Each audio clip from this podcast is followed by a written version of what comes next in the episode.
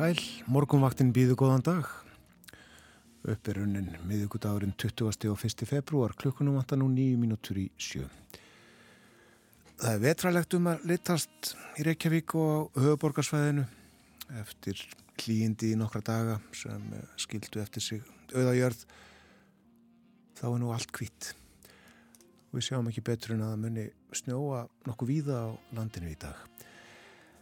En hugum að hittast í, við sjáum að uh, það er öll lítið frost með vesturströnd landsins en uh, hlýjindi á Norðurlandi og uh, Suðurlandi einnig.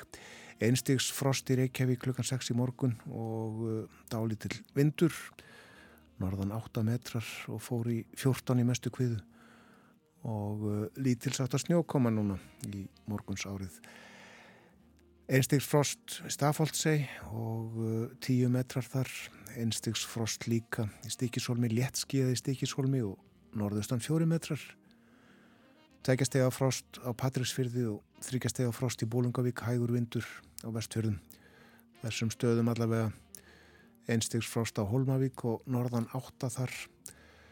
En tækjastega hitti á Blönduósi og fjórastega hitti við Söðunisvita hitti við frostmark á Akureyri, hægur vindur, þryggjastega hitti á Húsavík, þrjár gráður einnig, þrjár plúsgráður á Rauvarhöfn og þryggjastega hitti á Skjaltingstöðum í Vopnafjörði, kvast eh, þar eh, austan 12, sló í 22 metra í mestu kviðu. Við höfum ekki upplýsingar um veður á eigilstöðum, upplýsingar bárust ekki. En það var fimmstega hitti á höfni Hortnafjörði klukkan 6 fjóra gráður á kvískerjum, tveggjastega hitti á kirkjubæðaklaustri, þrjár gráður á stórhauða í Vestmanægjum og tveggjastega hitti í Árnesi og til þess að gera vægt frost á hálendinu, einstigsfrost í veiðivatnarhaunni, tveggjastega frost á Káranhjúkum fjórastega frost á hverjavöllum. Svona viðræði klukkan 6. En Þórun, þú ert með horfur dagsins. Já, Það er útlitt fyrir breytilega átt í dag, 8 til 15 metra á sekundu og regning, slitta eða snjókoma með köplum og hiti 0 til 4 stig. Það er eh, gert ráð fyrir því að það verði regning eða slitta næri ströndinni en meiri líkur á frekar snjókomu undir landsins í dag. Á morgun verður viða hæg breytilega átt, það dregur sérsagt úr vindi í kvöld bjart veður á morgun en stöku jél sunnanlands og vægt frost. En uh, sítiðis á morgun er svo von á sendingu úr norðri eins og það er orðað í hugleðingu viðfræðings. Þá er spáð vaksandi norðanátt og fer að snjóa á norðurhelmingi landsins sítiðis á morgun. Og þessi norðanátt heldur svo áfram á förstu dag með jæljagangi en yfirleitt verður þurft veður sunnan heiða hitin á förstu dagi kringum frostmark og kólnar um kvöldið og það verður orðið e, frostum allt land á lögadag 1-10 stík. Svo línar á sunnudag og kólnar aftur í næstu viku. Það er februar. Já. Og það er vetrafærð, eh, víðast hvarum landið, eh, í mist hálka, hálkublettir eða snjóþekja og eh, það er til dæmis snjóþekja á Ástandalsheiði. En eh, Við sjáum að það er óvissustíð vegna snjóflóðahættu á leiðinu um Faradal með fram grænafelli. Og uh, það er beðið með mokstur á Vaskarði Eistra vegna veðus, nýjar upplýsingar eða berast um tíu. Og uh, sama er upp á teiningnum hvað fjardarheiðina varðar en uh, þar verða nýjar upplýsingar veittar klukkan nýju. Þetta er ástandið á landinu í gróðum dráttum. Jú, eh, bætum við að uh, það er kraplið á ringvegi eitt milli víkur og kví ár og eitthvað um hálkubletti þar. En annars já, hálka, hálkublettir eða snjóþekja. Við hlustum á tónlist, draugum fram uh, plötu Víkings Heiðars Ólafssonar, flutning hans á Goldberg tilbriðunum. leikum í dag uh, tvö tilbriði. Það uh, fyrsta og þrítúasta sem þó eru ekki fyrsti og síðasti kaplin í heldarverkinu á undan og eftir eru stjöttar arjur en uh, hér er fyrsta tilbriðið.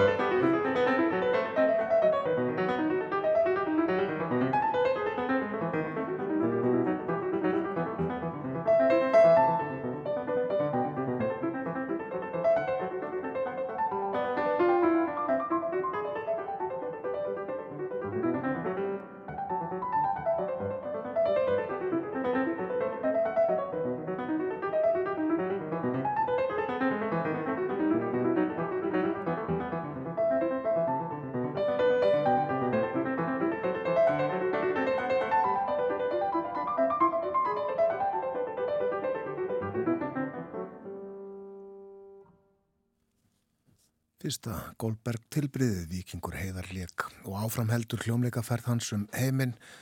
Næst leikur hann í Svíþjóð, það verður í byrjun mars, örlítið hlið núna og frá Svíþjóð líkur leiðin til Tjekklands og þaðan fer hann til Ástralíu.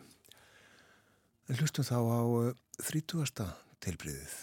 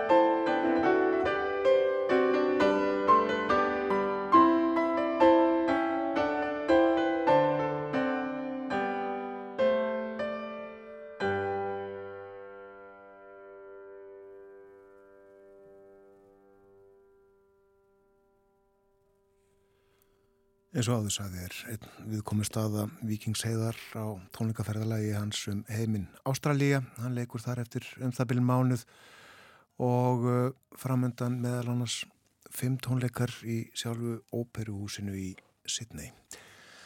En framöndan hjá okkur á morgunvaktinni eru frettir þar koma á slæginu sjö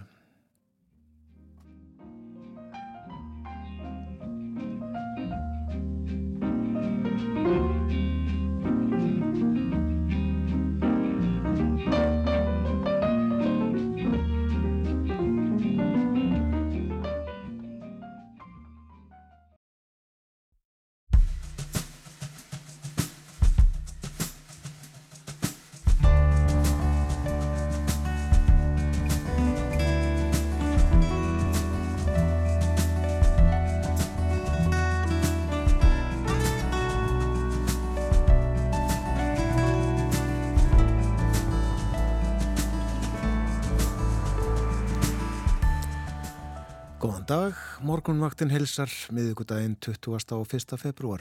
Um sjónamenn þáttarins í dag eru Þórun Elisabeth Bóadóttir og Björn Þór Sigbjörnsson. Fyrsti gestu þáttarins í dag er Rósa Magnúsdóttir, sakfræðingur og profesor við Háskóla Íslands. Á lögadag eru tvö ár síðan að rússar riðustinn í Úkrænu. Langur aðdragandi var að innrásinni 2014 innlimaði Pútín fórseti Krímskaga í Rúsland. Ekkert látur á átökum og margir liggja í valnum. Rósa fer yfir atbyrðarásina með okkur upp úr klukkan halv átta. Og við fjöldum líka um það breytingar sem að ríkistjórnin hyggst gera í útlendingamálum. Áformin voru kynnt í gær, herða á löggefina frá því sem nú er í því augnamiði að fækka því fólki sem hingað kemur og óskar verndar. Guðmundur Ingi Guðbrandsson félagsmálar á þeirra verður gestur okkar eftir morgun frettinnar. Og svo þetta Netverjar í Tíli hafa undanfarnar vikur herjað stífta á samfélagsmiðla British Museum með kröfum um að sapnið skili tveimur steinhöfðum frá Páskaæju en eigin tilerir Tíli. Þessi gríðarstóru dularfullu steinlíkneski eru þekktast af tákn Páskaæju og voru sköpuð lungu áður en Tíli lagði eiginu undir sig. Vera Íllóðadóttir segir okkur frá þessari afskektu eigu Páskaæju, sögu hennar og stittunum frægu. Hugum að veðrin eins og það verður í dag það maður búast við regningu, slittu eða snjókoma víða um land í dag með köplum þó. Hítinn að fjórum stígum eitthvað svoleiðis og uh, áttinn breytileg. Vindræðin 8 til 15 metrar á sekundu en uh, það lægi svo með kvöldinu. Á morgun verður áfram breytileg átt og uh, bjart en þó má búast við stöku jæljum sunnalands Það verður vægt frost á morgun og uh, svo fer að uh, snjóa á norður helmingi landsins síðdeis. Þá uh, verður áttið norðin norðanátt.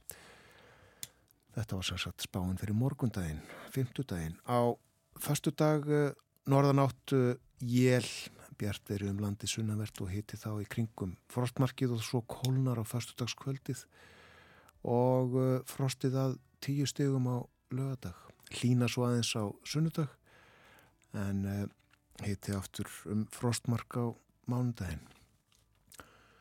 Og uh, vegagerðin var við hálku eða hálkublettum víða á vegum og tæfingsfærðar sumstöður og uh, á Östurlandi er ástandi heldur verra og það er til dæmis beð með móksturbæði á fjardarheiði og vaskarði eistra á að veita nýjar upplýsingar eftir eh, tvær og þrjár klukkustundir og það er óvissu stíg vegna snjóflóðahættu á leðinu um Faradal.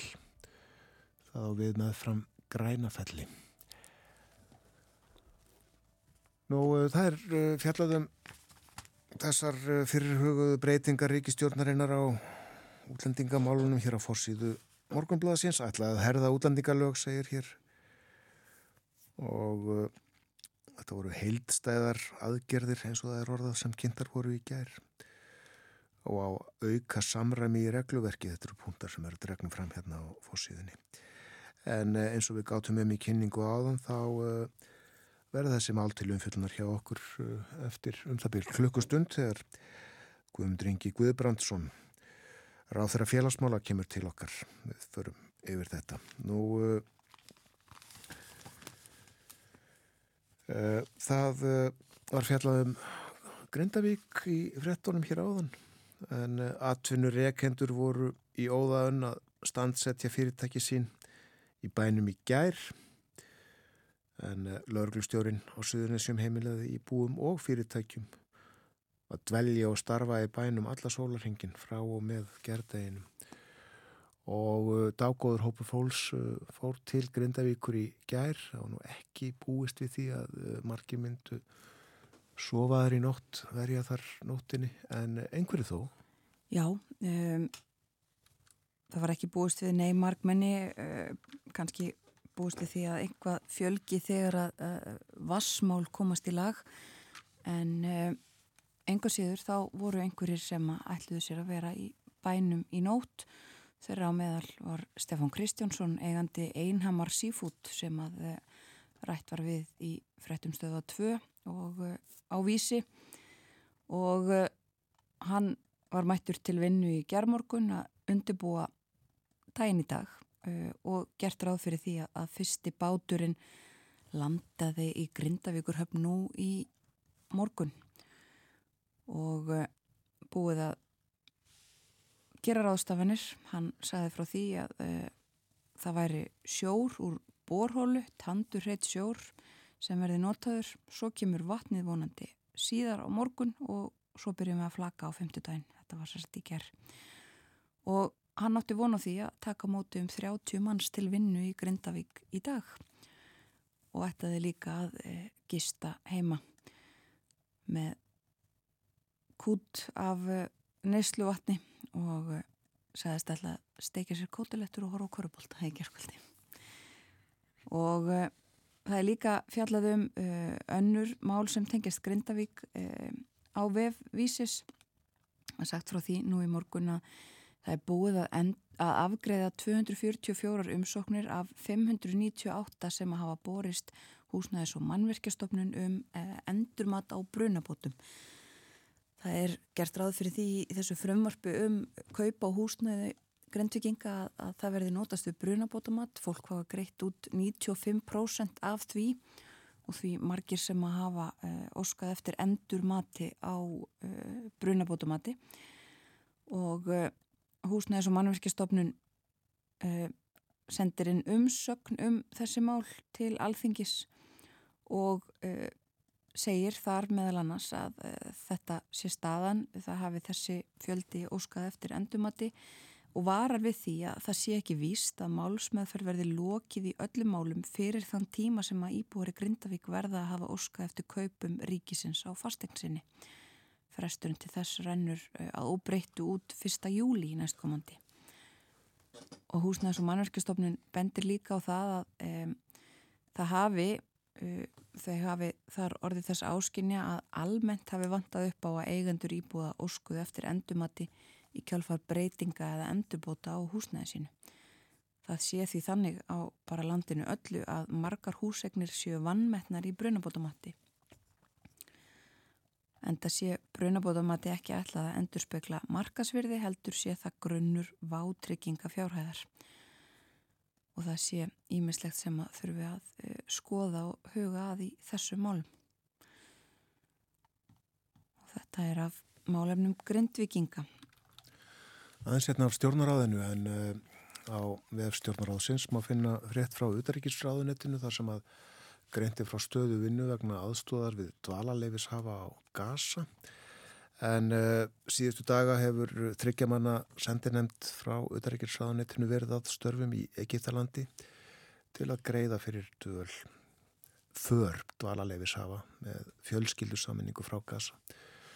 Segir að sendinemtin hafi átt í góðu samstarfi við fulltrúa egipskra, ísraelskra og norrætna stjórnvalda á svæðinu. En verkefni hefur meðal hans fælist í úrlöst praktískra atriða við mögulega fólksflutninga afhendingu lista dvalarleifis hafa til viðöðandi aðila og einni í samskiptum við fulltrúa fyrir nefndra stjórnmálta.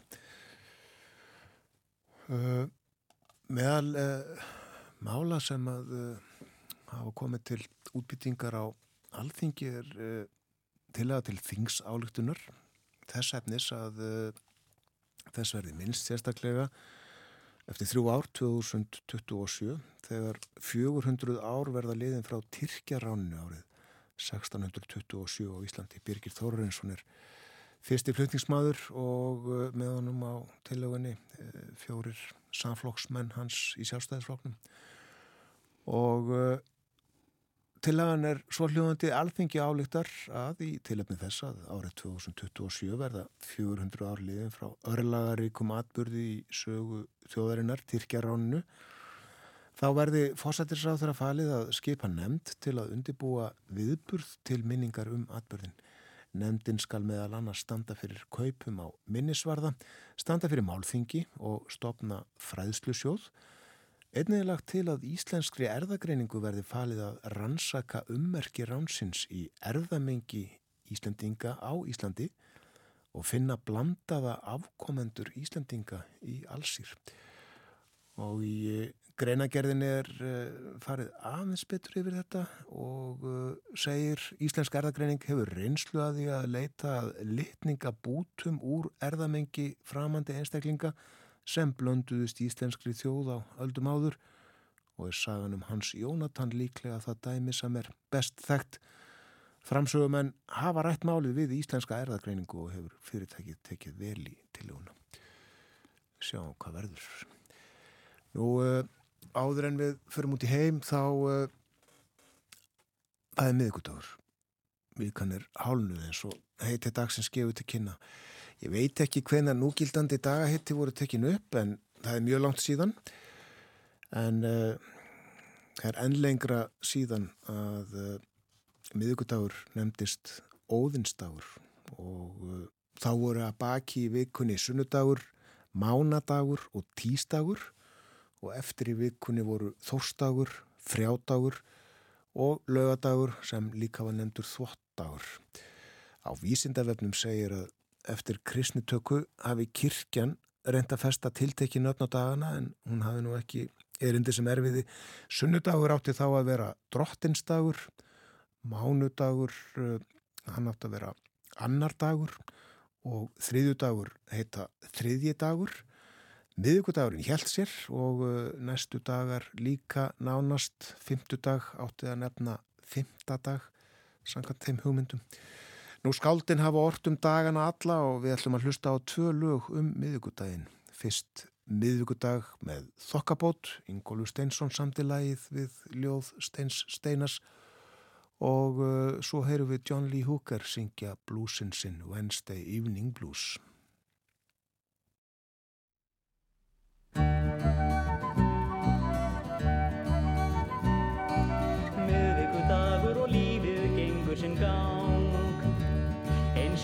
Hefur sjálfur í andverðu hugsa sér það. Manni finnst þetta dálítið skrítið en samt er það satt. Því svona hefur það verið og þannig er það. Þér gangir hér um með þann sama svip og í gær. Þér sigrandi fullhugar dagsinn sem krónunar stífið Í morgun var haldið sem átt ekki nóg fyrir skuldum, þannig er lífið.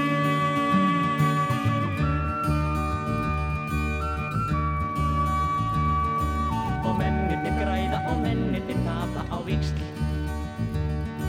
Og mönnum er lána þó engin skuld sína borgi. Um albyggur strætin verðt múksins háværa öss.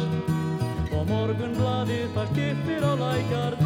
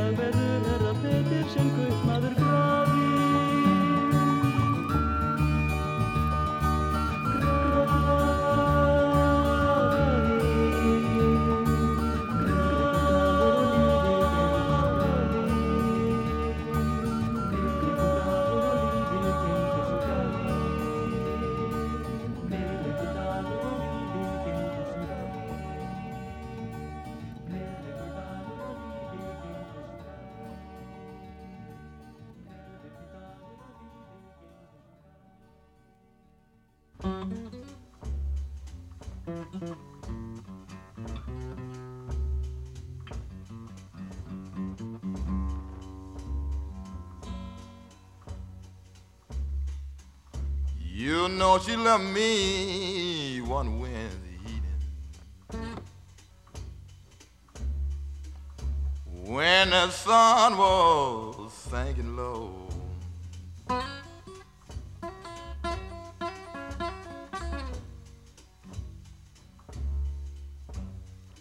She left me one wind.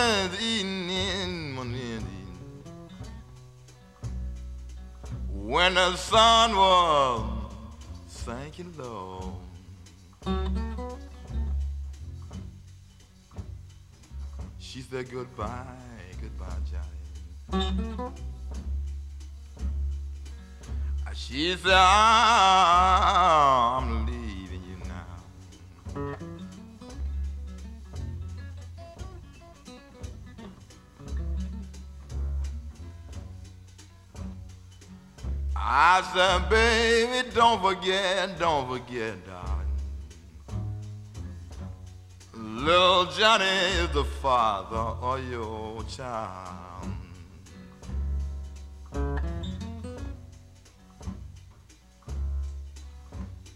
Please don't forget, don't forget, baby.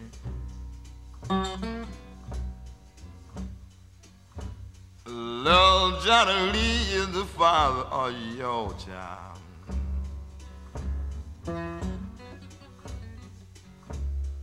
I think about you, baby. Ever when the evening when the sun be sinking low.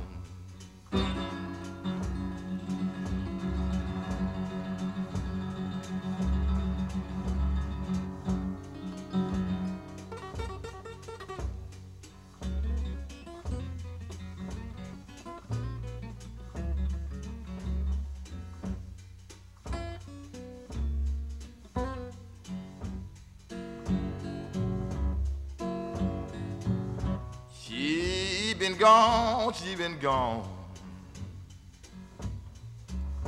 People, one year today.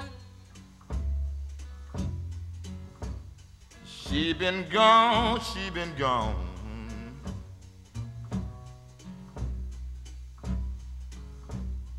People, one long year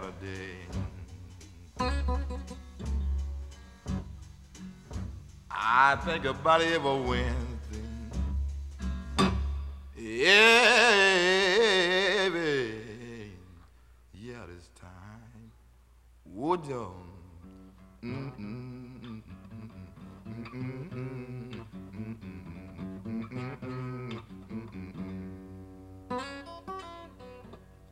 Oh, I think about him.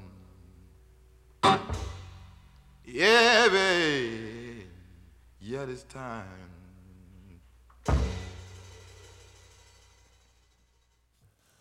John Lee Hooker og uh, Wednesday Evening Blues.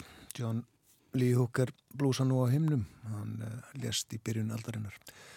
En ég sagði hér áðan að ég uh, vissi ekki hvenar dagaheitin sem við notum í dag voru tekinu upp og fekk skeiti frá hlustanda. Það var á 12. öld og að tilstuðlan Jóns Ámundarssonar biskups.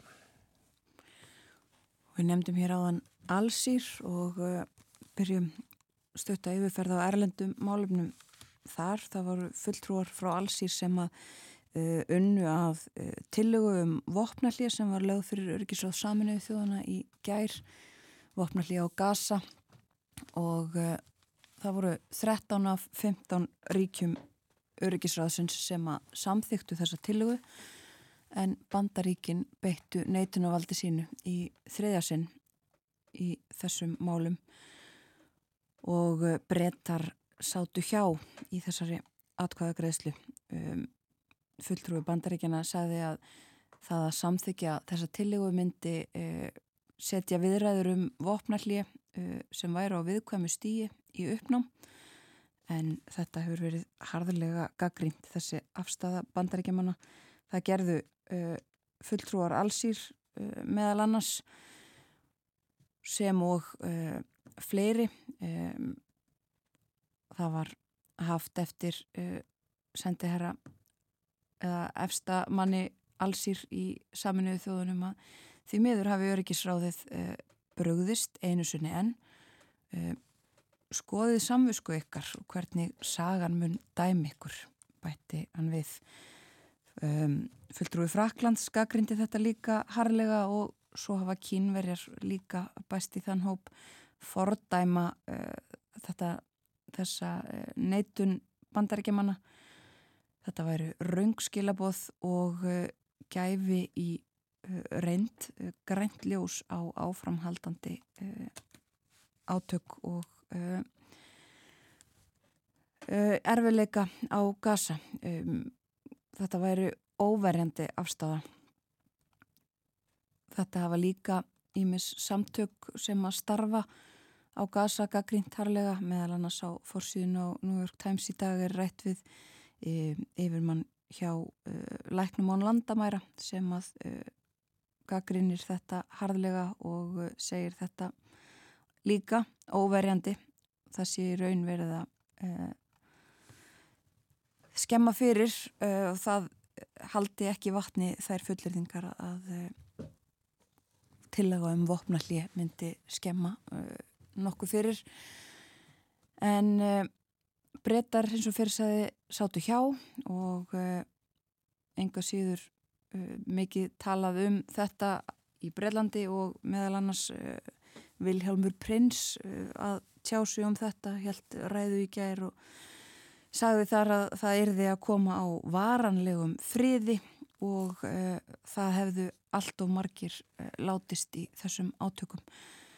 Og þetta er fórsvíu fréttin á fjölmörgum breskum uh, blöðum sagt meðal annars að þetta hafi verið gert í samráði við stjórnvöldi í Breitlandi hann sé notaður nú sem einhvers konar konunglegur diplomati um, til þess að koma þessum sjónamiðum á framfæri en uh, þetta eru meðal stóru fréttana á forsýðum út í heimi. Í, í Svíþjóðir verða fjalla svo litið um uh, aðstóð sem að Svíjar hafa samþygt að uh, veita Úkrænu. Til að tala um málefni Úkrænu og Rúslands hér eftir nokkrar mínútur. Rósa Magnúsdóttir er að koma sér fyrir hjá okkur. Ætlar að ræða við okkur um þessi tæpu tvö ár af stríði eftir innrás rúsa í Úkrænu. En já, svíjar uh, fjalla um sín aðstóðapakka sem hljóður upp á 7 miljardar sænskra króna um það byll og mun skipta sköpum segir í forsýðu frétt Svenska dagbladet í dag en þrátt fyrir að vera stærsti stuðningspakki svíja hinga til Þá segir í forsið frétt á dagins nýhet er að e, svíjar geri minnst Norðurlandana í þessum málum. Og ymsar fréttir sem að þessu tengjast á, á forsiðum blada annar staðar líka en við ræðum þessi máli á nánar hér á eftir með Rósu Magnúsdóttur við fjöllum svo litið næstu daga um stöðumála í Úkrænu og Rúslandi. Í tilumni þess að og lögadaginn verða tvö ár liðin frá innrásinni. En það líður að yfirliti morgunfrétta hér hjá okkur á morgunvaktinni. Það kemur eftir tæpar þrjár mínútur frá fréttastofunni. Svo ræðum við um Ukrænu eins og fyrir saði. Síðar í þættinum fáum við svo til okkar Guðmundinga Guðbrandsson, félags- og vinnumarkasráð þeirra til að ræða þessa heldar sín í útlendingamálum eins og ríkistjórnin orðaði það í gær sem að bóðuð var og kynnt. Síðasta hlutu þáttarins verður svo vera yllugadóttir með okkur.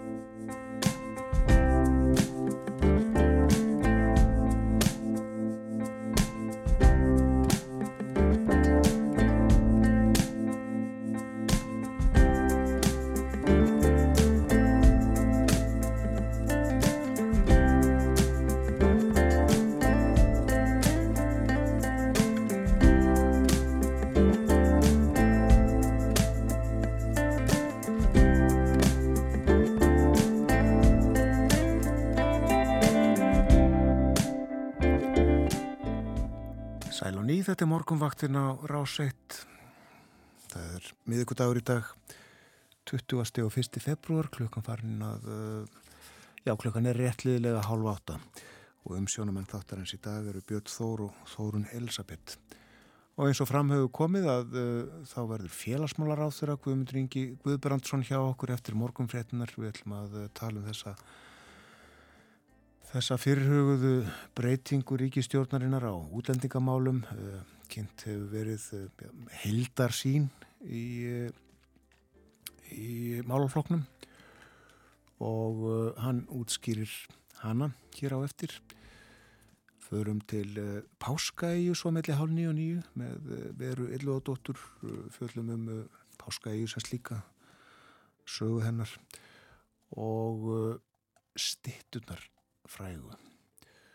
Og uh, það er tilefni fyrir uh, þessu meira um þetta og eftir.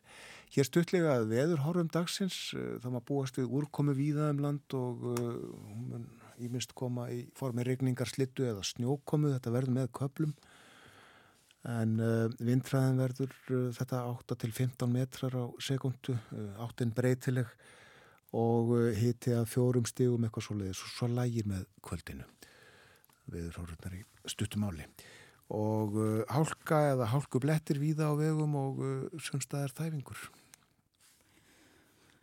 Á lögadaginn, þann 24. februar, verða liðin tvö ár frá því að rússar gerðu innrás í Ukrænu. Við ætlum að fjalla um þessi tímamút hér á morgunvaktinni næstu daga og við byrjum á því næstu mínututnar að ræða um það sem hefur gerst á þessum tveimur árum til okkar að komin Rósa Magnúsdóttir, eh, professor í Sackfræði við Háskóla Íslands. Velkomin til okkar á morgunváttina. Takk. Ég segi tvö ár en e, það væri auðvitað hægt að fara lengra aftur og að byrja á því að hafa nokkur orð svona um aðdraðanda þessarar innrásar. Það væri eins og ég segi hægt að fara aftur til 2014 þegar að rússar innlimiðu krímskagan. Svo voru þarna, e, já, kannski nokkrir atbyrðir í aðdraðandanum Þetta hafi verið líka til umræðu í einhverja mánuði mögulega innrásrúsa í Úkrænu. Mm -hmm.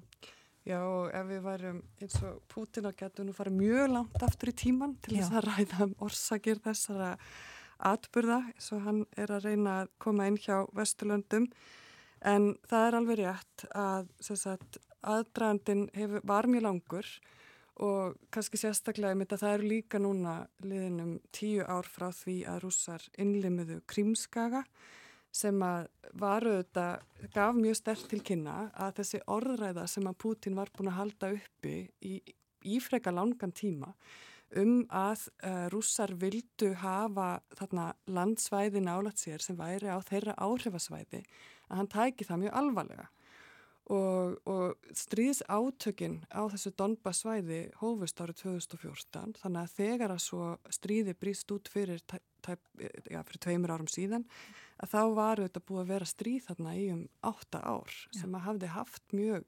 mikil áhrif á bæði í Úkrænu og, og auðvitað í sagt, samskiptum rúsa við nágrannaríkisi. Já, og svo er það þarna e, svo litið í aðdraðanda e, februar sem að uh, var rætt um þetta, það var talað um, uh, það væri að sapnast fyrir herlið mm -hmm. og uh, svona ímislegt sem að var sagt, misjant hversu alvarlega það var tekið í aðdragandunum, er það ekki? Jú, og eiginlega fyrr það var alveg þarna í nógumber desember árða undan farið að fylgjast mikið með sérst reyfingu hér afla frá Rúslandi og upp að landamærum Úkrænu og einnig í, í Belarus en sko það er alveg rétt að það, sko Putin sagði okkur alltaf hvað hann ætlaði að gera. Hann var alveg, hérna, orðræða hans nýrist alltaf um það að það þyrti að verja fullveldi Rúslands, það þyrti að verja þessi landsvæði Rúslands sem hann telur að sögulega Rúsland eigi rétt á að séu bara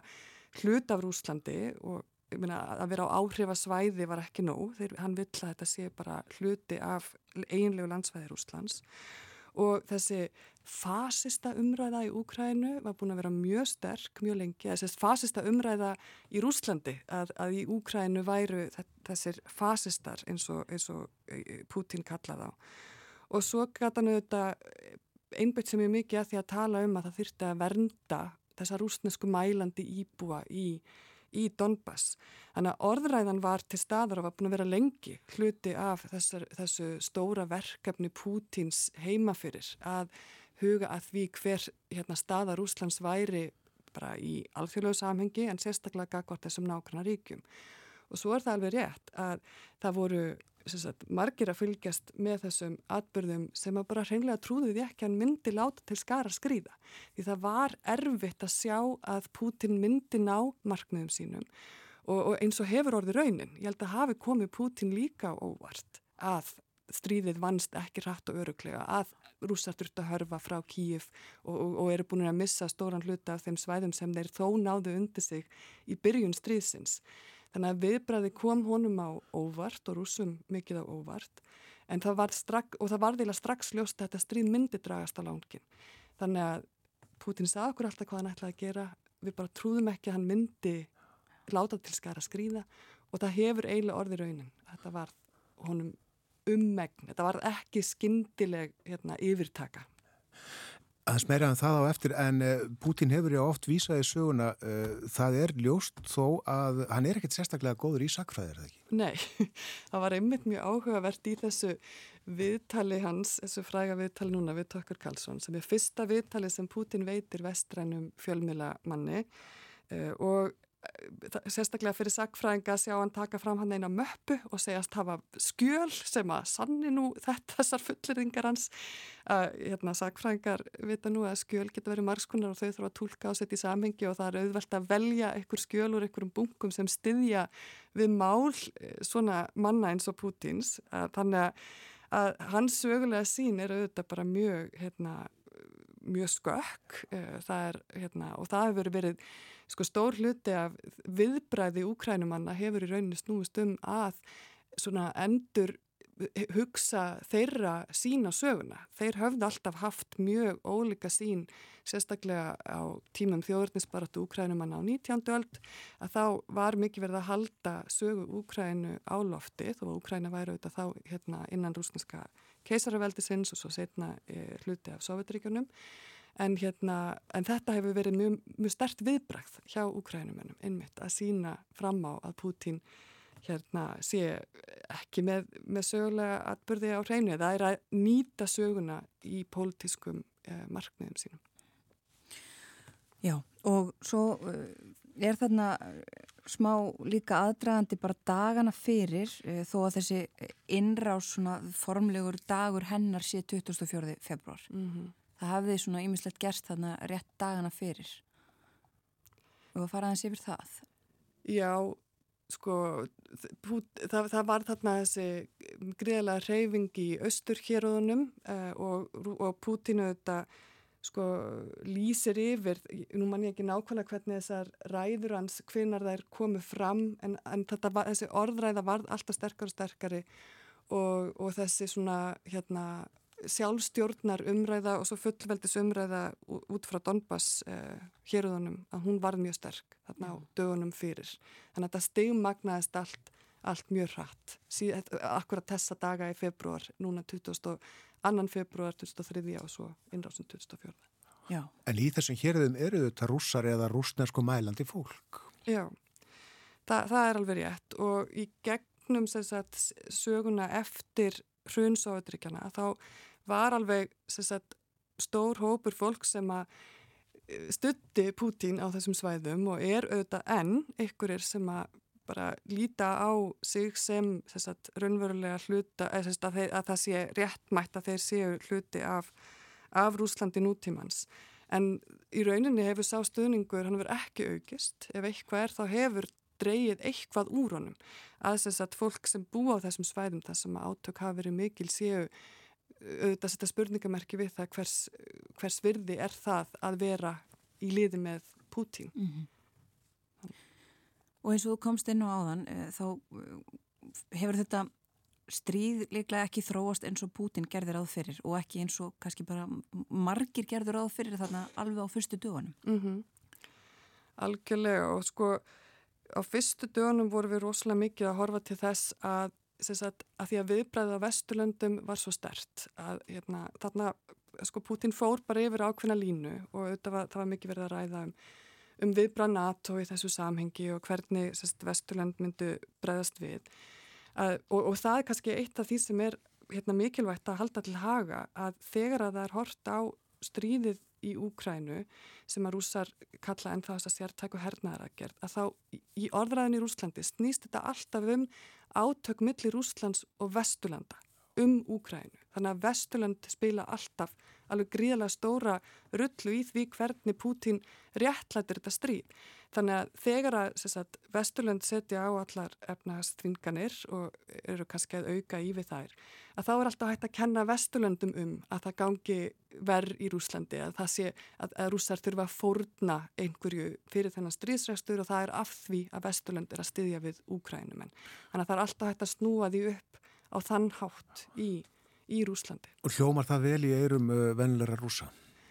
Já, það virðist vera ganga vel og e, sé hægt að kenna ykkur um sameinlegum óvinni um það að, að sko, og það er alveg mitt síðan árið 2014 að fyrstu efnaðastvingarnir eru settar á og rúsum hefur alveg gengið ágætlega að laga sig að þessu breyta umhverfi, þetta voru mjög hertar hérna, efnaðastvingarnir settur á árið 2022 og núna var bætun einmitt að bóða að það, sem viðbrað við hérna, dauða Navalnís að það erðu settur á ennhertari efnaðastfinganir.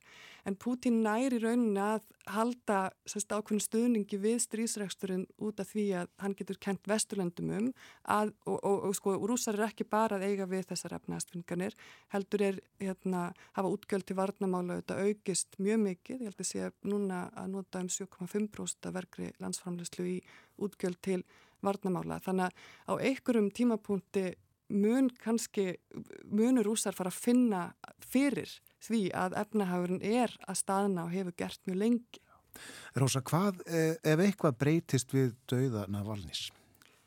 Sko, dauðina Navalnís er eiginlega einmitt áhugaverður þegar maður hugsa um þetta langtíma prósjekt Pútins. Við fórum hérna aftur til ásins 2014 en sko árið 2012 þegar Pútin steg aftur inn sem fórsett í Rúslands eftir hérna fjögur ára hérna, veru í fórsettsráðuneytinu að þá urðu mótmæli Eina, og, og ég held að Putin hafi brugðið. Það voru svona daldi stór mótmæli víða um Rúsland og, og ég held að hann hafi brugðið við það og í kjölfarða því stígur Navalni fram sem þessi leðtói mótspinnunar og beiti sér fyrir því að sameina rúsa hvar sem þeir eru, hvort þeir eru til hægri eða hvort þeir eru til vinstri einmitt eh, Navalni svona áhugaverður karakter í því hann er ekki bara að tala við einhverja Moskvu elitu, hann reyndi að sína fólki fram á að spillingin sem Putin stóð fyrir og þessi valda klíka í kringum Putin, að hún hafi áhrif á lífskjör og lífskelirði hins almenna borgara í Rúslandi.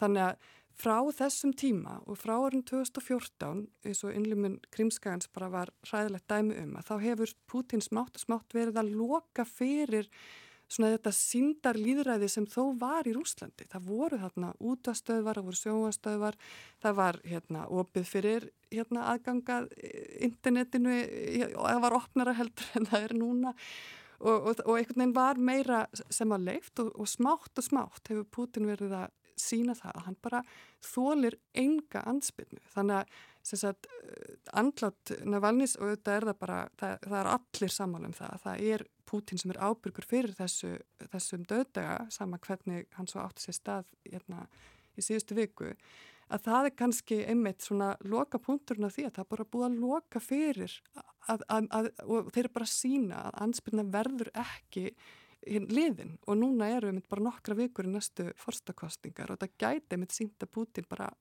hann bara ætla sér ekki og að láta neitt hérna, sína sér e, það í verki eins og var gert þarna árið 2012. Já. Þannig að þetta er svona stærra ferli í rauninni sem er verið að loka með því núna að hérna, Navalni er ekki lengur á lífi og svo andstæða, þessi hópur í kringum Navalni sem þó er til, hann er ekki í Rúslandi, þessi hópur er í útlegð og það mun auðvitað líka leika eitthvað hlutverk í því hvernig þetta, þetta heldur áfram. Já, og náttúrulega kannski líka sendt sterk skilabóð þegar að mörgundur manns eru handtekinn fyrir það að minnast Navalnís. Já, það var einmitt áhugavert í þessu ljósið sem ég var að segja, það væri búið að sagt, hérna, útrýma þessum, þessari síndar, hérna, þessu síndalýðræði sem kannski var stundum til staðar, að þá einmitt voru samt síndarmyndir af fólki að sirkja og leggja blóm, en, en ég held að það hafi einmitt, fólk hafi hægt mjög miklu við að gera, við að gera það og það verði ekki, ekki liðið. En, en það er, þú veist, í þessu samengi líka áhugavert að hugsa um að sko, Að, að, núna, ég hef verið að sjá að fólk er að hugsa um hvort að verða eitthvað framhald, hvort að Júlíana Navalnæja ekki að hérna, Navalnýsmuni beita sig fyrir því að núna einhvern veginn halda þessum aðgerðum áfram en sko rúsar hafa ekki stíið fram til að mótmæla Pútín eða þessar, þessu stjórnarfari Pútíns. Þau mótmæli sem við hefum séð síðan núna 2022 þau hafa snúist mestu leiti um herrkvaðningu Þannig að það er þegar að fólkið fær að finna fyrir því að stríðið, þú veist, ef þetta eru þínir sinir eða þínir frændur eða vinir sem eru kallaðir í stríðið og eiga það núna á hættu er alltaf verið að hérna, stækka bylið, ég held að núna eru kallmenn á aldrinum 18-30 ára sem að geta verið kvattir í herin. Að það sé þess að hérna, ætti að íta frekar undir það sem hann vannilæðið áherslu á, að, að afhjúpa spillingu í Rúslandi að horfa á hvernig rúsar geti mótmælt þessu skertu lífsgæðum. Þannig að kannski munu auknar efnaðastunganir íta undir svoleiðis hugmyndir í Rúslandi að það sé ástæði til þess að fara að mótmæla. Að því að þeir eru ekki að fara að mótmæla stríðinu eða Pútín sem slíkum. Nei, og einmitt eh, verða að stækka hóp þeirra sem að geta verið kvattir í herin uh, og það hefur auðvitað verið mikið mannfall á, á báðabóa og uh, já, bara hvað er að gerast það hefur kannski verið aðal svona uh, fókusin hér á það að ekki hafi tekist að samþykja alls konar uh, stuðningspakka til Úkrænu og Úkrænu hér líði fyrir það en bara hvernig er staðan núna? Þú nefndir það áðan að rúsar hefðu tapað mm -hmm. landsvæðum sem þeir þó náðu á sitt vald einhvern tíma ná síðustu tveimur árum Já Já, ég held að núna sé rúsa með svona um 18% af landsvæði Ukrænu og, og þarna Donbass héröðun sem þeir höfðið mitt haft á sínu hérna, áhrifasvæði þá frá árið 2014 og ég held að sé alveg rétt sko að rúsar eru að auka við herrkvæningu og geta sendt fleiri og fleiri herrmenn í þetta stríð en úkrænumenn eiga erfiðara með það. það. Mér skilst að það sé uppi til að um að hérna, auka við herrkvæningu í Úkrænu og kalla til alveg um halva miljón herrmanna en svo til að strandi í þinginu og ég sá líka að það væri, það væri verið að horfa núna á það að kannski hefðu einhverjir hundruðir hérna, reyndra herrmanna verið handteknir í Afdífka sem að rúsa núna náði á sitt vald og var, var fyrsta borgin sem að rúsa náði á sitt vald í alveg heilt ár. Þannig að það hefur mjög lítið reyfst í þessu stríði. Báðir aðilar hafa, uh, já, eða kannski hvorur aðili hefur nániðt miklum árangri í, ykkurum, í, í yfirtöku á síðasta ári. En, en það er, þess að þetta er að horfa til þess að kannski muni þessi, þessar handtökur í Afdífka hafa svona slæm áhrif á móral innan hérna Úkrænu og það verður alltaf erfiðar og erfiðara fyrir Úkrænum en að halda í við rúsa. Þarna er bara ójapvægi þannig að auðvitað eru við að horfa á það að Vesturlund þurfa að viðhalda stuðningi við Úkrænu til þess að þeir geti haldið áfram. En þessar uh, uh, viðskiptaþinganir og, og uh, aðrar aðgerðir sem að Vesturlönd hafa gripið til gagvart rúsum, hefur þetta verið svona mátt minna heldur en vænstvar? Já, það virðist vera sem að rúsar hafi getað aðlega sig á ymsanhátt. Þeir byrju á því strax ár 2014 að byrja að framleiða eigin osta og kannski ítti þetta á ákveðin hátt undir þá bara sagt, fjölbreytni í efnagaskerfi rúsa. Þannig að þeir virðast hafa haldið, haldið sér nokkuð vel á floti. Rúsland eru þetta greiðalega stort og í rauninni ríkt land, ríkt að hérna, lífs, eða þess að hérna, þeir, þeir, hafa, þeir hafa alls konar, þeir hafa ólju og alls konar hérna, vörur sem að þeir geta haldið hérna, gángandi en það er samt núna kannski núna ef að það er rétt sem að er verið að segja að bandarækja menn ætla að fara að ráðast miklu meira að herrgagnaframlegslu og bara hérna vopna framlegslu í Rúslandi að það muni hafa mikil áhrif að því núna hefur efnahagslífi snúst svolítið um að halda þeim parti gangandi. Já, en kýrsendning, uh, snekja, staðar á Spáni eða Ítalíu hefur ekki mikil áhrif á þetta. Nei, sig, sko. í rauninu og mér finnst um... Sem mikið var látið með sko í byrjun. Emmitt, emmitt og hérna stoppa þessa svona auðkífinga sem eins og ég segi voru kannski, kannski væri hægt að ef að þeir væri áfram að hafa það svona gott að það myndi kindundi mótlæti í Rúslandi, ég veit það ekki. Mm. En það er samt líka áhugavert alltaf að heyra núna, sko það er mjög eðlilegt líf í Rúslandi, sko. Því að þeir sem að tala við erum við kannski ekkert mikið að hugsa um áhrif stríðsins, þú veist, það er bara eins og annar stað verið að hugsa kannski um verðbolgu, jú, lífskjör hafa, hafa auðvitað allstaðar er eitthvað svona, svona efnahastlega krísa sem hefur áhrif. Og mér finnst ofta áhugavert að sjá hvað rússar eru þó frjálsi ferðasinna þó að það sé orðið erfiðara að hérna, fljúa beint til Evrópu, það er nú eða bara ekki hægt að það þarf að, að, það þarf að fara krókaleðir en, en það er sagt, það var að tala svo mikið um þvinganir og rúsar, rúsar væri bara einangraðir en það er alls ekki tannig í raun. Þeir eiga vinni, Pútin á vinni. Pútin ánöfnilega alveg fullt af vinnum ymmið, það er hérna vesturlöndin og þetta saminaða vestur sem að Pútin er alltaf að tala um sem að er óvinnurinn en ymmið í Kína, í hérna Asju og, og víðar á hann góða vinni. Afriku líka. Afrikum. Já, daglegt líf gengur sem van að ganga miklu leiti í Rúslandi en uh, í Úkrænu? Já, sko, það er auðvitað miklu, miklu meiri áhersla á hérna, og, og Úkrænum en finna á allt annan hátt fyrir þessu stríða sjálfsögðu en þá eru mjög margir í útlegð og ekki þess að teima við þannig að, þannig að það er allt, allt önnur tilfinning í Úkrænu heldur en víða í Rúslandi og það eru auðvitað mikill munur á landsvæðum í Rúslandi þar sem að margir hafa verið kvattir í herin að þá er kannski erfiðar að viðhalda stuðningi. Það sést að stuðningu við stríðið er mestur hjá svona eldri körlum, körlum á eftirlauna aldri sem eiga ekki sjálfur á hættu að vera kvattir í þetta stríð. Og, og svo verður líka, sko, ég segi þetta kannski að það, ég hef kannski mist áhugavert hvað það hefur haft kannski minni áhrifin ég held en það eru þetta svona ákveðin herrkvaðning í rúsnesku samfélagi sem að skólabötn er það vörfið, það er þessi innræting uh, rúsneskra gilda og alltaf verið að tala um þennan sameinlega óvinn sem að nær inn í svona alla daglega umræðu. Mm -hmm. Þannig að þann hátt verða rússar auðvitað mjög varir við það. Rúsland er einangraðra en það var. Já.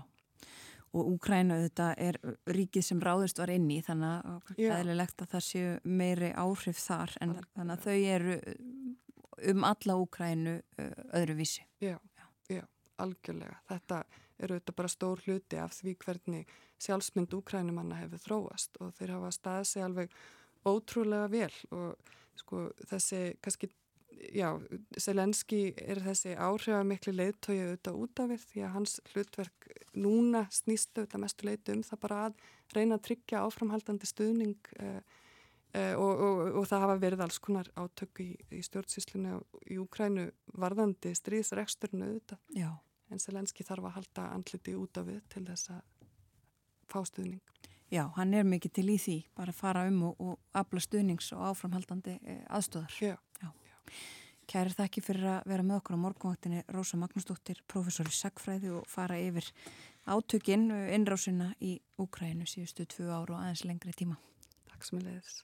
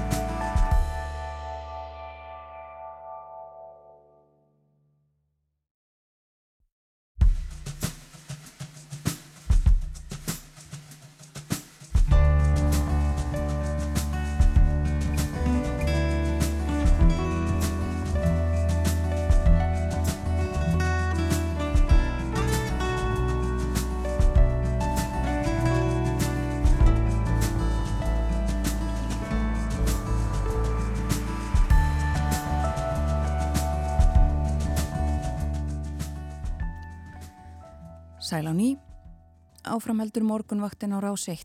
Klukkan er tæpar 6 minútur gengin í nýju og það er miðvíkudagur í dag, 20. og 1. februar. Og það var færið ákveðla yfir veðurhorfurnar í frettatímanum hér rétt á þann.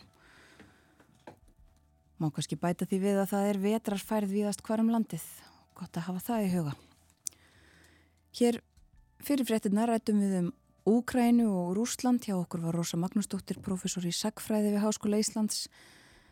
Við fórum yfir uh, það sem gerst hefur síðustu tvö ár og aðeins lengra aftur í tíman. Á lögadaginn verða tvö ár liðin frá innrásrúsa í Úkrænu og við höldum áfram að fjalla um þau mál næstu daga hér á morgumvaktinni. En í gær var tilkynnt að ríkistjórnin hefði sammælst um aðgerðir í málefnum umsækjandum alþjóðlega vernd, flótafólks og innflytjanda. Það eru sjö ráðuniti sem koma að framkvæmt þessara aðgerða og eitt þessara ráðunita er félags- og vinnumarkarsráðunitið og ráð þeirra þeirra mála, Guðmundur Ingi Guðbrandsson er komin til okkar. Velkomin á morgunvaktin. Takk kærlega fyrir. Það var lengi verið bóðaðar uh, já, breytingar á útlendingalögum meðal annars og, og, og mörgu í þessu málaflokki og uh, einhverjar aðlugur gerðar. Var þetta erfið fæðing fyrir ykkur? Sko við erum í rauninni búin að vera að vinna að þessu all lengi og uh, það var sett á fót sérstaklega áþæranemt um innflytjendur og flótafólk eða útlendinga innflytjendur og flótafólk og um, í fyrra vor var uh, sett á, á fót uh, svona samhæfingar teimi og samhæfingar stjóri í fórsættisáðanettinu þannig að við erum búin að vera að sapna gögnum og, og vinna að svona heldar nálgun í þessum málaflokki sem að ég held að sé gríðarlega mikilvæg og í rauninni kannski fyrsta skipti sem að stjórnvöld raunverulega setja fram einhverja heldar sín eh, allt frá því að útlendingur kemur fyrsta skipti til Íslands, hvort sem að það er í gegnum verndarkerfið eða kemur hérna innan EES-svæðisins gegnum með atvinnuleifi komið utan EES og þanga til að um, innflytjendur ná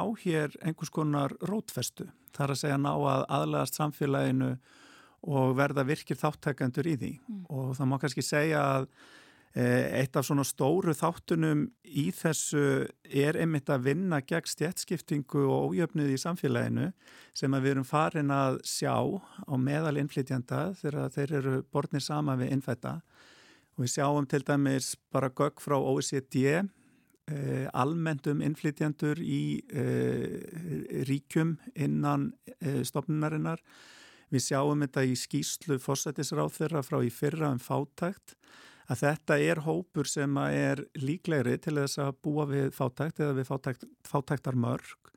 Þetta er hópur sem er líklegri til þess að búa í húsnæði sem eru meiri þrengsli eins og gögn OECD sín okkur og hópur sem er líklegri til þess að búa við meiri ójöfnuð og mér finnst það algjörð grundvallar atriði að við vinnum gegn þessari stjætskiptingu og þessum ójöfnuði og meðal annars eru mikilvægar aðgerðir e, í svona, já, í tengslu með þessa heldarsýn sem, sem að við erum að leggja hér fram. Mm. Ertu sáttur við þessa útkomi, þessa niðurstöðu? Já, ég meina þetta er niðurstöða þar sem að við höfum sammælst um uh, þessar aðgerðir og uh, ég stend að baki þessum aðgerðum. Þannig að, að hérna, uh, ég held að, að þarna sé komin líka góður grunnur til þess að taka umræðuna víðar í samfélaginu um þessi mál og að við gerum það bara af, af hreinskilni og, og kannski svolítið væntum þykju um, um hérna fólk. E, megum heldur ekki gleyma því að innflétjandur eru óskaplega fjölbreyttur hópur. E, við getum byrjað á tölfræðum það að 80% er að koma af EES-veðinu, 10% í gegnum verndarkerfið eða hellisleitandakerfið og önnur 10% utan EES.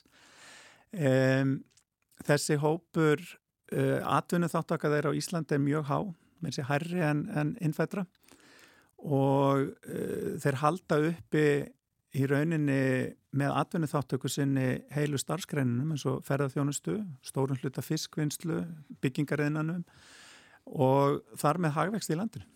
Já, einmitt. Það hefur verið bara sínt fram á þetta að, að það er eiginlega beint samband á milli uh, innflytjanda uh, þess hversu margir koma hinga til lands og hvernig hagvöxtur uh, hefur verið. Um, en svo er það þetta, einmitt, þú talar um þetta allt sem eina heild, en það eru kannski ekki allir á því að það sé rétt að gera það. Þetta eru kannski ólíkir hópur og ólík kerfið þetta þegar við erum að tala um innflytjendur og svo hefur kannski aðalega umræðan undanfarið uh, hverfst um umsækjatur um alþjóðlega vernd og, og flótamenn. Um, ertu á því að það eigi að taka þetta allt saman, ræða þetta allt saman? Já, vegna þess að, að lokum, ef, ef við tökum uh, flótafólk og, og umsækjatur um alþjóðlega vernd, þau sem að fá hér vernd, þau verða að lokum þá innflytjendur hér í landinu og það þarf að horfa helstætt á það uh, með hvað hættu við tökum á móti því fólki og reynum að skapa því uh, tækifæri í íslensku samfélagi og aðstóða þau við að aðlæðast samfélaginu að, að ná rótvestu mm. og um, þess vegna finnst mér mikilvægt að nálgast þetta svona með heldrænum hætti þannig að, að við byrjum að hugsa það í rauninni frá, frá fyrsta punkti þegar fólk kemur hinga til landsins með hvaða móti getum við sem best stöðlaða því að, að fólk geti e, tekið þátt í samfélaginu og orðið, orðið e, já, gildir samfélagstegnar ef við getum orðaða þannig. Mm. En svo ég segja, umræðan hefur verið svolítið um, um flóta fólk og þú ferði við það að það eru 10% sem að e, geta talist þar undir. Enga síður þá hefur verið svolítið umræða um það að að það sé að völdum þessa fólk sem að innviðir hér séu að springa og, og við þólum ekki meir. Uh, mér langar bara að spyrja það, hvað finnst þér um þessu umræðu? Já, ég held að það sé kannski hægt að svara því bara einmitt með því að uh, það er ekki nærið því nærið því öll sem að hinga að koma í hópi innflytjenda sem að eru umsækjætur um alþjóðlega vend.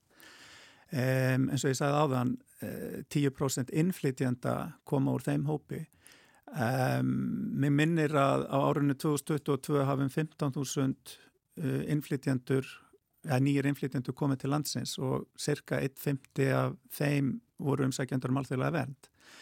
Þannig að við verðum að horfa á það í því samhengi en vissulega fólk sem að sækir hér um vernd að það fær umfangsmeiri þjónustu fyrstu árin eftir að það kemur heldur en innflytjandi sem að kemur og vinnur hérna. Þannig við meðum heldur ekki gleyma því að, að, að því leitunu til að, að þá erum við að þjónusta þann, þann hóp meira og auðvitað greiða e, fyrir þá þjónustu af skattfið e, en við e, höfum undirgengist alþjóðlega skuldbindingar þar sem að við e, tökum á móti fólki sem er í neyð. Og það er kannski svolítið það sem að e, við erum að horfa á líka í þessu að verndarkerfið nýtist betur þeim sem er í brínustu neðinni. Og ef við horfum á fólk sem að e, getur sjálf komið sér hér til lands, e, kannski e, á móti þeim sem að geta það ekki, til dæmis fólki í flótamannabúðum, að við höfum á undarförnum árum e, ekki geta verið með áherslu á að taka á móti þeim hópi sem að kemur úr flótamannabúðum sem við kallum yfirleitt kótaflótamenn vegna þess að það hefur verið gríðarlegu fjöldi sem að hingað hefur, hefur sótt og auðvitað aðstæður í heiminum þannig að það eru fleiri og fleiri að koma. Þannig að ég held að, að hérna, það sé líka mikilvægt að horfa til þess að, um, að ákveðnar áherslu breytingar varðandi verndarkerfi sem við erum að bóða í rauninni í þessari heldar nálgun meðal annars það að e, reyna stöðla því að fækka umsóknum sem að uppfylla ekki skilirðum vernd. Nú fólk sem að hefur þegar fengið vernd í öðru ríki að, e, að taka á því og síðan náttúrulega það sem að skiptir líka gríðarlega miklu máli og er bara mannúðarmál gagvart þeim sem hinga að koma og sækja málþjóðlega vernd að það er að e, flýta afgreðslu umsókna og sá tími hefur í rauninni tvöfaldast þannig að fólk er að býða lengur og maður getur rétt svo ímynda sér að það er sennilega ekki þægilegast að byggð sem að, að maður upplifir þegar maður er að býða eftir svarum það hvort maður fái e, alþjóðlega verndi eða ekki. Nei, förum að séu það einmitt hvernig að það kemur fram þarna það eigi að, að flýta, ég held að sé talað um 90 daga og, og, sem að umsókn á að uh, taka í, í kerfinu á hverju stjórnsýslu stíi. Um, hvernig á að fara að þessu? Já, þarna þarf náttúrulega einfallega bæta í mannabla hjá útlendingastofnun sem að er þá fyrra stjórnsýslu stíi sem að tekur umsóknirnar og svo síðan hjá kerfinuð útlendingamála. Mm. Uh, og bæta aðstöðu ef áþarf að halda uh, til þess að, að geta tekið viðtölu og annað slíkt og mér finnst þetta algjört forgangsatriði að setja fjármagn þarna inn það mun spara okkur pening vegna þess að þá er fólk skemur í ferli e, umsóknarinnar og kostnaður vinnumálastofnuna sem að sér um þjónustu við umsækjendur um alltjóðlega vend hefur e, farið gríðarlega upp á undarförnum árum Þannig ég er alveg samferður um það að það eru einhverju miljardar sem við eigum að geta spara þarna. Þá getum við nota hlut af þeim peningum í mikilvæg verkefni sem að tengjast því að steyðja við fólk til þess að ná rótfest í samfélaginu. Mm. Og þar má nefna til dæmis bara skólana. Um, við höfum öll heyrt af, af bekkjum sem eru kannski með 25, jafnvel 30 manns og það er kannski um, 5 til 6, 7 Eh, börn, innflytjanda sem að tala kannski þrjú til fjögur mismunandi tungumál og við viljum geta veitt þessum börnum þá aðstóð sem að þau þurfa á að komast inn í nýtt tungumál aðlæðast nýjum heimkemnunum og svo framvegis. Og það er ekki leggjandi á kennara að um, fá, eða kennarar fá ekki næga aðstóð við að gera þetta. Þetta er mjög mikilvægt aðtriði Annað mjög mikilvægt atriði er íslensku nám. Og uh, þar þurfum við að gera mun betur bæði að innflytjendur hafi rétt til þess að læra íslensku og í einhvern tilfellum þarf kannski að skoða býtu, er ekki eðlilegt að, að, að, að þessi skilda sækja námskeið eða eitthvað slíkt. Þetta er allt eitthvað sem við erum að móta um, og síðan náttúrulega samfélagsfræðsla. Um, hvers konar samfélag er Ísland? Hvernig, hvernig fótaru þig í, í kerfin okkar? Hvar sækjuru þjónustu? Á hverju áttu rétt? Og hver eru er réttind og skildur þínar? Mm. En og líka bara e, þau gildi sem að e, hafa verið að mótast á Íslandi á undanförnum árum sem að snúa jafnrétti kynjana réttindum hins eginn fólks og svo framvegis. Mm. Þannig að mér þetta allt mjög mikilvæg atriði og, og, og líka annað sem að við erum ekki enþá orðið nógu góði en gætum lært af til dæmis sumum nágrannaríkjum okkar að það er að meta mentun og reynslu innflytjanda meira heldur en við gerum við þurfum að hraða því, við þurfum að gera það betur og við þurfum að líta meira til þess mannhaus sem að raunverulega er fólkin í því fólki sem er að koma hérna því það er bæði gott fyrir fólkið og fyrir samfélagi. Mm. Og með, eh, hvernig sjáu þið fyrir ykkur að gera þetta? Það hefur lengi verið talað um og reynd til dæmis um þetta, eh, kannski ekki formlega sagt samfélagsfræðsla en svona reyna að ná til fólks, eh, gera það meðvitað um réttindi sín og, og Íslands samfélag. Hvernig á að gera þetta? Já, núna erum við semst að vinna stefnumótun í málefnum innflytjanda í félags- og vinnumarkasráðanettinu og um, er í raunin svona fyrsta heilstaða stefnumótunin sem hefur verið ráðist í af uh, hendi íslenska stjórnvalda. Við gáfum út svo kallega grænbók um stöðu innflýtendamála núna í haust og munum setja fram stefnu á vordögum til umsagnar. Ætlum að fara þá með þingsáleituna til og í þingið í haust uh, með stefnu til 15 ára og þá aðgerrar állum til 5 ára. Og hluti af þessu uh, er einmitt að með hvaða móti við getum betur tekið undanum meðal annars samfélagsfræðsluna og íslensku námið og svo framvegis. Við erum líka að vinna að endurskoðun framhaldsfræðslu lagana og svona uppstokkun í, í þeim málaflokki þar sem að, að um, við stefnum líka þá á lagafrömmvarp í haust. Við erum líka að vinna að gerð lagafrömmvarps um móttöku flótafólks og inngildingu eða aðlögun á samfélaginu og þar er við talandum, við erum ofta að tala um Norðurlöndin í þessu málaflokki að á Norðurlöndunum er búin að vera slík lögjöf kannski 15-20 ár en hér á Íslandi held ég að ég megin og segja er hún svona kannski halgjöru skötu líki við eigum lögum álefni innflytjanda en það er ekki heilstað lögjöf um, móttöku og inngildingu að aðlöfum samfélagsins. Mm. Þannig að það er, er, er fullt af verkefnum í gangi sem að munu búa til betri umgjörð utanum málefni innflytjanda og, og þar með, með flóttafólks. Mm -hmm. Það segir í þessu plaggi ykkar að það er ekki áherslu á mannuð og verðingu og vinna gegn skautun í íslensku samfélagi. Um, er þessi skautun sem að ég held að margir hafi orðið var við undarfarið, kannski undarfarið mánuði sérstaklega, um, er þetta áhugjöfni uh, að mati allra ríkistjórnarinnar? Ég held að við höfum öll áhugjur af því að um, umræðan verði einhvern veginn ofmikið þannig að hún bytni á þeim sem að sístætti að bytna á sem að er e, fólkið sem umræðir, fólk sem er í viðkvæmri stöðu. Og um, ég hef sjálfur áhyggjur af því að, að e, aukin skautun í samfélagin í þessu málaflokki muni bara leiða til e, frekari átaka í framtíðinni á milli Eh, milli mögulega innflytjanda og innfættra sem að væri afskaplega slæmt ef það myndi gerast. Og eh, þess vegna skiptir svo miklu máli að við vinnum gegn þessari stjætskiptingu og ójöfnuði sem að við erum farin að sjá skýrmerki um. Mm. vegna þess að þeir eru öllur á botning kvólt að ef að fólk hefur e, til dæla jöfn tækifæri að þá eru minni líkur á því að verði áreikstrar í samfélaginu Er eitthvað hægt að segja til um það? Eh, hvað kerfin eða, eða innviðinir eiga að þóla móttöku margra flótamann á ári?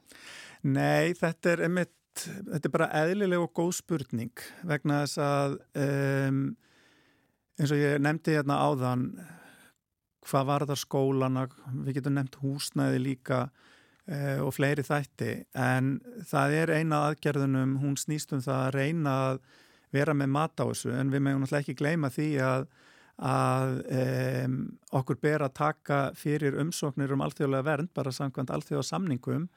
Um, óháð því hver staða innviðana er, við megum ekki gleyma því.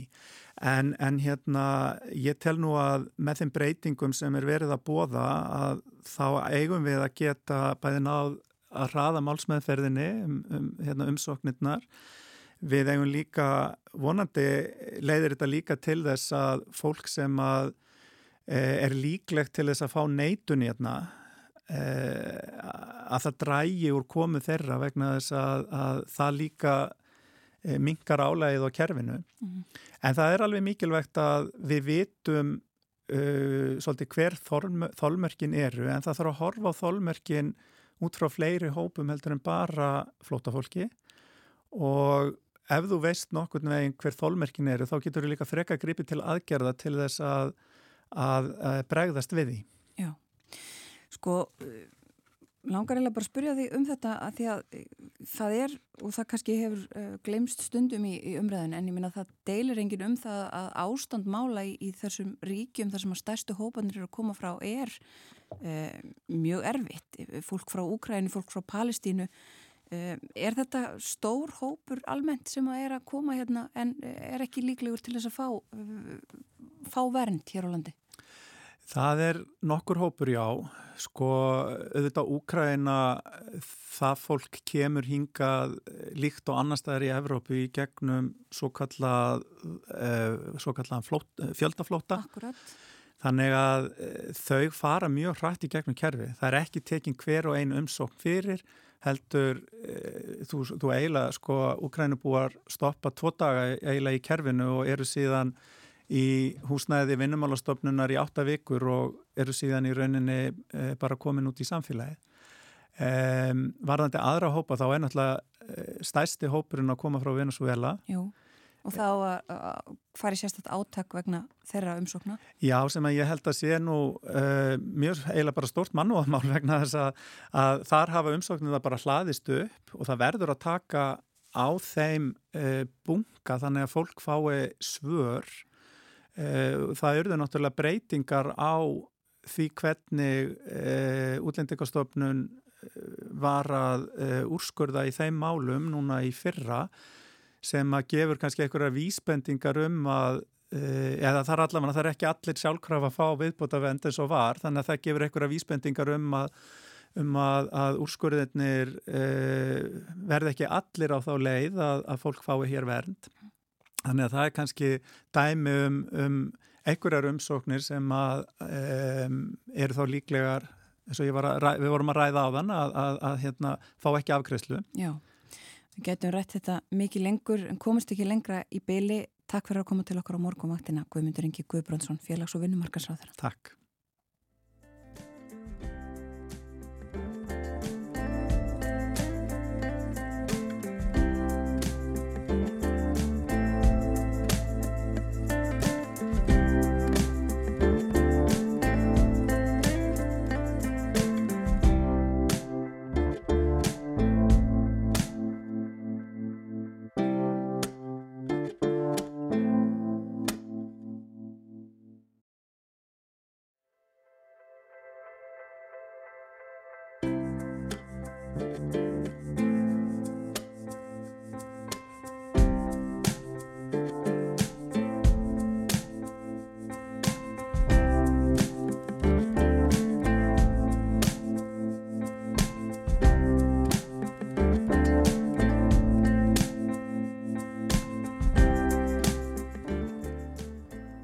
Aftur, þetta er morgunvaktin á rás 1, klukkan er réttliðlega hálf nýju, það er miðugudagur í dag, 20. og 1. februar. Það verður breytilega átt á landinu í dag, vindræðin þetta 8 til 15 metrar á sekundu og uh, það má búast við rigningu, slittu eða snjókomu með köplum, hittin verður að fjórum stigum. Það lægi svo með kvöldinu. Á Páskaegju er hins vegar 24 stiga hitti og uh, það er nú miðnótt en uh, í dag þegar sólun tekur að skína já, þá verður bara áfram 24 steg að hitti og uh, hvers vegna nefni ég þetta? Jú, uh, vegna þess að förin er heitið til Páskaæju hún tilherir Síle er þó langt, langt frá Síle í söður Kirahafi Vera Eilúadóttir Við ætlum að tala um páskaægu og uh, tilefnið er að uh, fólk þaðan eða frá síle hefur eiginlega gert netárásir, árásir á heimasíðu SAPS í Breitlandi. Já, það uh, voru fluttar fréttir af því á dögunum og þetta kuð vera ástand sem að hefur núna varað í einhverja vikur eða síðan í byrjun árs netárásir uh, síleskra netverja á uh, British Museum í Breitlandi á samfélagsmiðlum Instagram, Facebook, reikningum Sapsins og, og fleiri miðlum. Við höfum áður rætt hérna í morgunvættinni svona ímis vandræði sem að British Museum á eins og fleiri söpn í Evrópu í vegna sapnumuna frá fjarlægum löndum, oft oftar en ekki gömlum nýlendum eh, breyta sem að uppruna lönd eða uppruna þjóðir gera nú tilkall til þess að fá aftur uh, bronsmunir sem að teknir voru frá uh, Níkeríu mikið uh, verið í fréttum. Rættum hérna líka Elgin lámyndirnar frá Akropólishæði í, í Aþenu.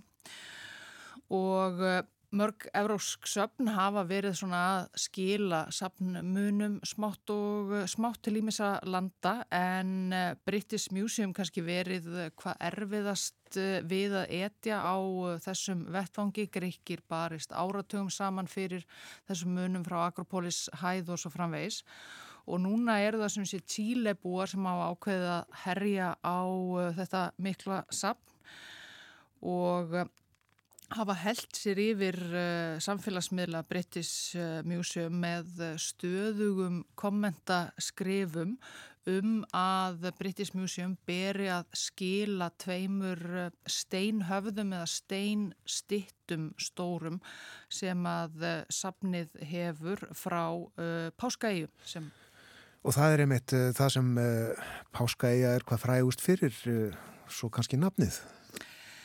Jú, uh, algjörlega ef maður, ef maður hugsa um páskaæju þá er líklegast að maður hugsi um þessi, þessi stóru, já maður oft er sagt stein uh, höfuð að því að höfuðið er svona stærsti hluti stittunar en í raun og veru er þetta, eru það líka með uh, sína oftar en ekki efri hluta uh, líkamanns líka en, en, en frægust eru þessi, þessi stóru, stóru stein höfuð og þarna á eigunni eru eitthvað um, um 900 uh, eða 1000 uh, svona höfuð uh, og síðan eru nokkur sem að hafa lendur landi og það eru meðal tvö á British Museum og, og eitt, eitt annað þeirra sem hefur verið mjög frækt og var, var lengi fyrir utan uh, sapnið við, við ingangin hefur nú verið, verið flutt inn. og eh, svona fulltrúar eh, eigaskekja á Páskaæju nefnt það ítrekka við safnið að eh, kannski berja að skila þessu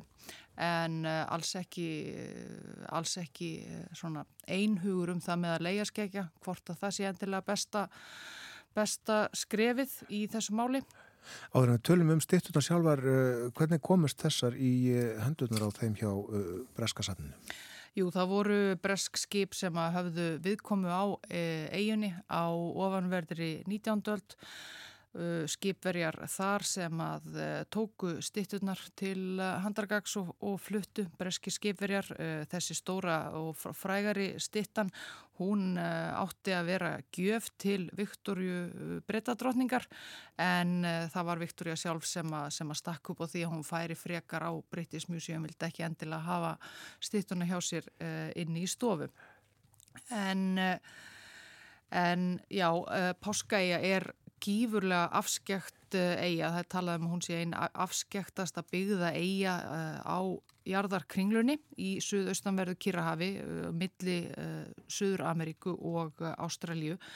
Tilheyri Tíli en það eru 3500 kilometrar austur að strand Tíli frá eigunni. 2000 kilometrar í vestur í, í næstu byggðu uh, eigu uh, og uh, álíka vegalengdir í, í, í flestar áttir til, a, til þess að finna, fyrir, finna fleiri mannabyggðir. Þetta er 163 ferkilometra uh, stór eiga eitthvað á starfið uh, Líktanstæn, eldfjalla uh, eiga og svona cirka þrýhyrningslaga með nokkrum óvirkum eldfjöllum og þarna búa í dag eitthvað svona um 7-8 þúsund manns. En íbúafjöldin hefur rokkað mikið uh, til og frá í uh, sögu eigarinnar. Svona það voru pólinesískir sæfarar sem að uh, hófu landnám á Páskaæju fyrst eins og fleiri eigum á Kirrahafi, deiltum það nákvæmlega hvenar það var einhverju fræðimenn sem að halda eitthvað um 800, árið 800 samkvæmt okkar tímatali, kannski örlítið setna eða örlítið fyrr. En komu þarna sem sé á bátum líklegast frá öðrum eigum í, í, í vestri. Og komu þarna undir sig fóturum, fluttu með sér, fluttu með sér fræ og, og, og gróður og verkfæri og, og annað og uh, hófu að kalla eiguna Rapa Nui sem, að, sem að er annað, annað nafn sem að enn er notað um, um páskaegi og það, það fólk sem að, sem að þar býr. Já og byggðu þarna upp samfélag, við vitum að vísu ekki ekkert uh, mjög mikið um uh, samfélag eigaskekki á páskaegi og áður en að Evrópumenn fóru að, að koma þar og skipta sér af nema hvað þeir bygg fóru að búa til þessi rosalegu, rosalegu steinstittur, líklegast einhvers konar uh, forfæðradýrkun, táknum um, um forfæðrana eða, eða eitthvað slíkt, gert einhver tíman á 13., 14., 15. öld eða, eða svo og já, þetta eru miklar stittur, svo stærsta er 10 metra há og 80 og eitthvað tonna þung, nokkrar eru eitthvað, eitthvað þingri og það var fundist sem leiðis eh, stittur sem, að, sem ekki náðist að klára, eh, einn sem að hefði orðið alltaf 21 metra há og þetta er sem sé mörg hundruð uh, stittur, eitthvað um 900 eða, eða 1000 talsins og enn er verið að vinna að uh, forðlefa rannsóknum á eigunni. Og högnar í steinu? Högnar í, í stein, þeir eru högnar flest, langflestar í Móberg sem að, uh, nokkuð auðveld er að uh, hefur verið að högva, högva í en uh, margt samt sem við vitum ekki um nákvæmlega hvernig eigaskeggjar báru sig að uh, við það að gera þessa stittur og, og hvernig þeir fluttu þær um eiguna síðan var þeim stilt upp uh, viðsvegar um eiguna, andlitin vísa alltaf inn í landið eins og, eins og, eins og þau séu að horfa fylgjast með samfélaginu á eiginu en uh, margt sem sé sem ekki er, er vitað. En uh, fyrstu Evrópamenninir komu á eiginu 1722 hollenskt uh, skip sem að þarna var á einhverju flakki uh, lenda á eiginu á Páskasönnudag og þaðan kemur þetta nafn Páska eiga og uh, samkvæmt lýsingum hollendingana þá byggu þá á eiginu eitthvað um 2-3.000 manns og hollendingarnir lístu góðu veðurlægi, miklum, miklum landbúnaði á eiginu, góðum jarðaveg, uh, tókuðu þetta eftir þessum stóru steinstittum sem að, sem að kvarvetna voru. Og eigaskeggjar voru bara svona nokkuð forvitnir um, um hollendingana og sérstaklega skipið þeirra. Og eh, ekki, ekki kom eh, það lendi, var það aðeins örlítill eh, bardagi þarna á milli út af einhverju slísa skoti hollendinga og byssu sinni en annars bara nokkuð vinsamlegar vinsamlega samskipti sem að þarna voru. En síðan liðu mörg, mörg, mörg ára á milli, milli skipakoma þangað því þetta er jú virkilega afskekt eiga og 1774 fjögur, uh, hálfur öll síðar, þá kom breytin James Cook við á eiginni sinni, hann var í sinni annari ferði í Suðurhöfum og uh, skip uh, verjar um borði í skipi hans gefa allt aðra lýsingu af, af eiginni og samfélaginu þar heldur en uh, hollendingarnir gerður nokkrum áratugum áður. Svo þetta veri eidileg eiga íbúarnir kannski eitthvað um 700 talsins, allt, allt ræktarland væri í órækt og, og allt saman einhvern veginn í ólestri og, og uh, þeir segja það að stittunar hafi margar, margar hverja verið feldar um, um koll og liggi þarna bara á, á, á hliðinni og eigaskeikjar mikið eh, með spjóta á lofti og, og báru, báru í misvopn þannig að það eru tilgáttur um það kannski hafi borgarstyrjöld einhvers konar geysað á eiginni þarna á milli þessara tekja uh, eh, skipakoma eða einhvers konar, uh, já, einhvers konar mikil átök og, og óöldi í, samfélaginu. Ljóstað að, að lífsbaráta eigaskekja hafi orðið sífælt erfiðari þegar reynlega voru búin að ganga á þær auðlendir sem að, sem að eigan hafi upp á að bjóða. Það hefur verið þarna verið þarna tré einhver tíman sem að voru, voru horfin á þessum tímabúndi og, eh, og lífsbaráttan orðin já erfið og, og, og kannski jável, jável hungur og önnur vandræðin. Og voru það Kúk og Hansmenn sem að hafa styrna með sér? Uh, nei, það var síðar, síðan á, á 19. öldinni þá fór að koma fleiri og fleiri skip, þarna voru kvalveiðiskip og selveiðiskip eh, mikið á ferðinni frá, frá Evrópu og sömulegis bandaríkunum og eh, skip voru að stoppa hérna reglulega til þess að fylla á, á, á vatn og, og vistir og sömu leiðist til þess að, til þess að taka þræla. Eh, upp úr 1860 þá komuð þarna þrælasalar frá, frá Peru og reynlega tóku fjöldan allan af eigaskekkjum höndum, neittum, borði skip sín til þess að selja síðan á þræla mörguðum í, í Peru og það var meirinn þúsund manns rænt með þessum hætti eitthvað um, eitthvað um helmingur uh, íbúa á eiginni á þessum, þessum tíma. Og þessir þrælar urðu, já, þeir, þeir voru mjög illa leiknir, þeir uh, urðu fyrir barðinu á farsóttum um leið og þeir uh, komu í land í Suður Ameríku og dóu unnvörpum úr, úr bólusótt og, og berglum og, og, og fleiri sjúkdómum og þetta þótti sérstaklega uh, ja, grimmileg meðferð jafnvel þarna 1860 og þrælasalatnir voru, voru útrópaðir í Peru og, uh, og Erlendis. Fólk var á endanum flutt aftur til páskaegu en, en þá var það eiginlega um seinana því að þeir bara fluttu með sér þessar farsóttir sem þeir hefðu náð sér í, í Peru og svona þetta var, þetta var eiga samfélaginu gríðalegt, gríðalegt áfall. Og og upp úr þessu fara að koma sömulegis kristnir uh, trúbóðar frá ýmsum uh, löndum að bóða þarna kristna trú en fjöldi fólks á eiginni af, af hinnum upprunalegu eigaskegjum fór mikið niður á við talað um að 1870 þá hafi íbúar verið orð, orðnir einungis eitthvað um 100 og eitthvað talsins og og eh, fáir, fáir fullotnir uh, karlmenn og svona mjög slæmt, uh, slæmt ástand á eiginni.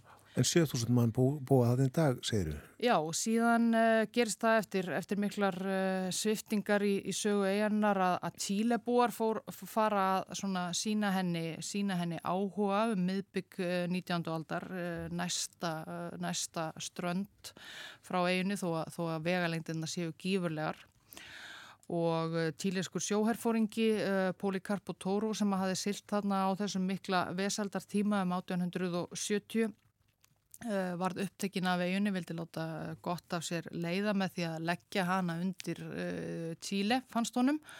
Og það tókst loks 1888 þá var skrifaður undir samningur, Tílemenn skrifaður undir samning við já, höfðingja þeirra eigaskeggja sem að reynlega eftir, eftir livðu sem að voru alls ekki margir. Og, og þeir samþyktu það að eigan yrði, yrði tílest yfiráðasvæði. Og síðan hefur þarna, já, svona smátt og smátt uh, fjölgað. Uh, það hafa auðvitað, auðvitað komið innflytjandur uh, frá meginlandi Tíle og frá öðrum stöðum en eitthvað um svona 60% held ég af þessum 7-8 þúsund íbúum er, geta rakið ættir sínar til hérna upprunalegu eigaskeika að rapa nú í þjóðarinnar og restin, restin frá, svona mikið til frá, frá meginlandi Tíle og þetta þessi ekki eigin ekki alveg afskekt í, í dag og hún var, það hefur verið flóið, uh, flóið þarna frá uh, Tíle frá því, uh, frá því um 1960 eitthvað. En maður ímynda sér að lífið að sé frekar fábrótið? Já, sannarlega þarna Það var uh, lengi uh, söðfjárbúskapur sem var svona aðal undirstaða efnahags á, á eigunni en síðan hefur, hefur eigan gert nokkuð út á, út á ferðamannaströym, kannski helst frá, bara frá ferðamenn frá meginlandi Tíli sem að þarna, þarna koma. En auðvitað margir sem eru forvittnir um, um þessar söguegarinnar og þessar stóru stýttur sem eru þeirra langfrægasta tákn uh, út á við. Já, ég uh, leitaði myndum frá Páskaægu á internetinu og það er eiginlega ógjörningur að finna, finna, finna mynd sem stitturnar rekki á. Einmitt og það hefur verið unni mikið að því sem segir þá þegar Evrópumenn fóru fyrst að koma til eigarinnar þá voru stitturnar margar hverjar uh, þeim hafa verið fældar um, um, um koll og margar hreinlega grafist í, í, í jörðu og um, kannski, kannski þess vegna sem að, sem að margir telja að þeir séu einungis, einungis höfuðina þegar þær voru grafnar upp að, upp að aukslum uh, stittunar en það hefur verið unnið að því að, að, að rannsaka þetta ára en þá, en þá starfaða því. En uh, fulltrúar uh, eigaskeggja hafa nokkrir gaggrínt þetta mikla upplaup á samfélagsmiðlum British Museum að uh, undanförnum. Einhverjir uh, vaki aðtegla því að þetta séu mikið til tílebúar af meginlandinu. Það er vist einhver tíleskur áhrifavaldur sem hefur einhverjar miljónir af fylgjendum og sínum samfélagsmiðlum sem hefur verið að vekja aðtegli á þessari stittu á British Museum og hvetja fylgjendur sína til þess að, til þess að herja á sapnið og einhverjir á páskaæju uh, segja að þetta séur heila uh, tílebúar af meginlandinu að reyna að nýta sér menningararleið uh, þeirrar þjóðar og þeirrar eigu í einhvers konar annarlegum politískum tilgangi. Forseti Tíli hefur líka eitthvað, eitthvað tjáð sig um, um, um málið og óskað eftir því að fá þessar uh, stittur aftur en, en kannski ekki endilega, endilega eitthvað sem að snertir uh, íbúa uh, meginlandstíli uh, jafn mikið og, og fólkið á þessari eigu. Og þetta og, er sem sagt ekki krafa endilega fólksins á páskaegu? Ekki kannski, ekki kannski þessi, þessi samfélagsmiðla herrferða, hún sé, hún sé með þessum hætti en Rapanúi þjóðin og fulltrúar hennar hafa, þeir hafa vissulega oft krafist þessa að fá þessa stittur uh, aftur uh, en það hefur ekki gengið en, en uh, þeir hafa samið um aukna samvinnu við Museum, við, við sérfræðinga þar um, um viðhald og varðveislu á stittunum á eiginni sumulegðis að, að það sé vakin já, næg aðtegla á því hvaðan stitturnar eru og, og hvaða menningu, úr hvaða menningu þær, þær koma. Það er ekki nema já, 12 steinstittur sem að hafa yfirgefið eiguna og, og, og, og mörg hundruð sem, a, sem að eru, þar, uh, eru þar enn. Og uh, einhvern tíman, jú það var 2010 þá var, þá heldu eigaskekkir hreinlega eins konar þjóðaratkvæðagreðslu um það að franst sapn hafi farið fram á að fá að, að láni eina steinstittu fyrir einhverja síningu og það var felt í þessari atkvæðagreyslu og, og stittan fór því, fór því hvergi þannig að þeir passa upp á þær stittur sem, a, sem að eftir eru. En uh, þær rattir uh, hafa sömulegist heyrst ég las það að, að eigaskekkjar líka uh, líta á þær stittur sem að komnar eru úr landi og það er kannski kannski ólíklegt að British Museum fari að láta stittuna af hendi með við hvernig þeir hafa, hafa gengið fram í öðrum málum líta á stýttunar sem eins konar svona sendiherra sinnar menningar uh, út á við. Já, stundum er sagt um uh, sæfærendur fyrir alltaf að þeir hafi stónlið öllu steini léttara þar sem þeir tóku land. Uh, það, þessar stýttur náttúrulega nýþungatrúi að það hefur verið handleikur að koma með borð á sínum tíma nýþungar uh, fleiri, fleiri, fleiri tonn og já, það held ég að hafa verið mikið, mikið vandamál að, að koma þessari meintu gjöf til, til Viktor Júdrótningar uh, heimdi Breðlas, enda vildu hún ekki sjá hana. Fyrir svo að þetta hefur stórmál að, að höfka það til á sínum tíma og flytja þar millir staða á eiginni. Margar kenningar um það hvernig eigaskikjum hefur tekist uh, það á sínum tíma. Manstu eina? Mögulega hefur það eitthvað með það að, gera að trén öll uh, hurfu á eini. Það, það hefur verið búinir til uh, einhvers, konar, einhvers konar mekanismi úr, úr, úr drömbum til þess, að, til þess að rulla þeim um eiguna. Já, ekki bara miklu listamenn hérna heldur uh, bygguður að talsverðri verkfræðu kunnáttu líka greinilega. Þakkaði fyrir þetta vera Illa og dóttir segja okkur frá Páska eigu og stittunum uh, steinhöðunum mörgum sem að eru einkenni þessarar eigu sem eru langt, langt, langt suður af síli og uh, vera nefndi það að uh, þær eru uh, svona um það byrja jafnstórar og líktenstæn eftir að nefna líka að þær eru kannski aðeins þærri eða hún, eigin, hún er aðeins þærri sínismur heldur en allt bæjarland hafnafélagabæjar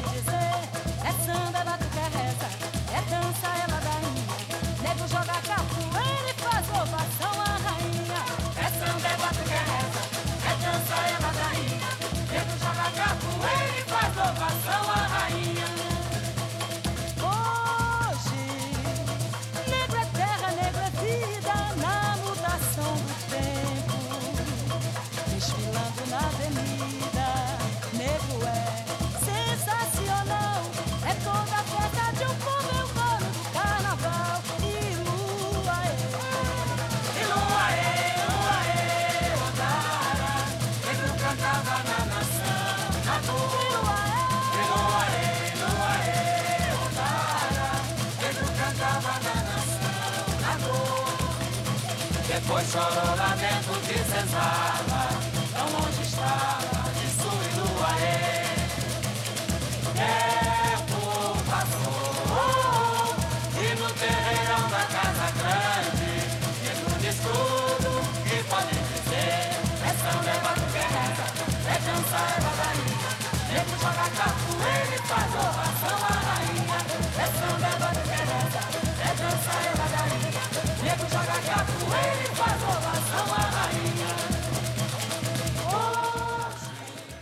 Herri, hér eh, tónlist frá Brasilíu, Klara Núnes syngur. En það er komið að loka morgumvaktarinnar í dag, klukkan er alveg að verða nýju. Við höfum sett hér frá því fyrir klokkan 7 Björn Þór og Þórun Elisabeth. Morgumvaktin verður á sínum stað í fyrramálið klukkan 10 myndur í 7 til 9. En við þökkum samfélgina þennan miðugdagsmorgunin. Njóti dagsins og verðið sæl.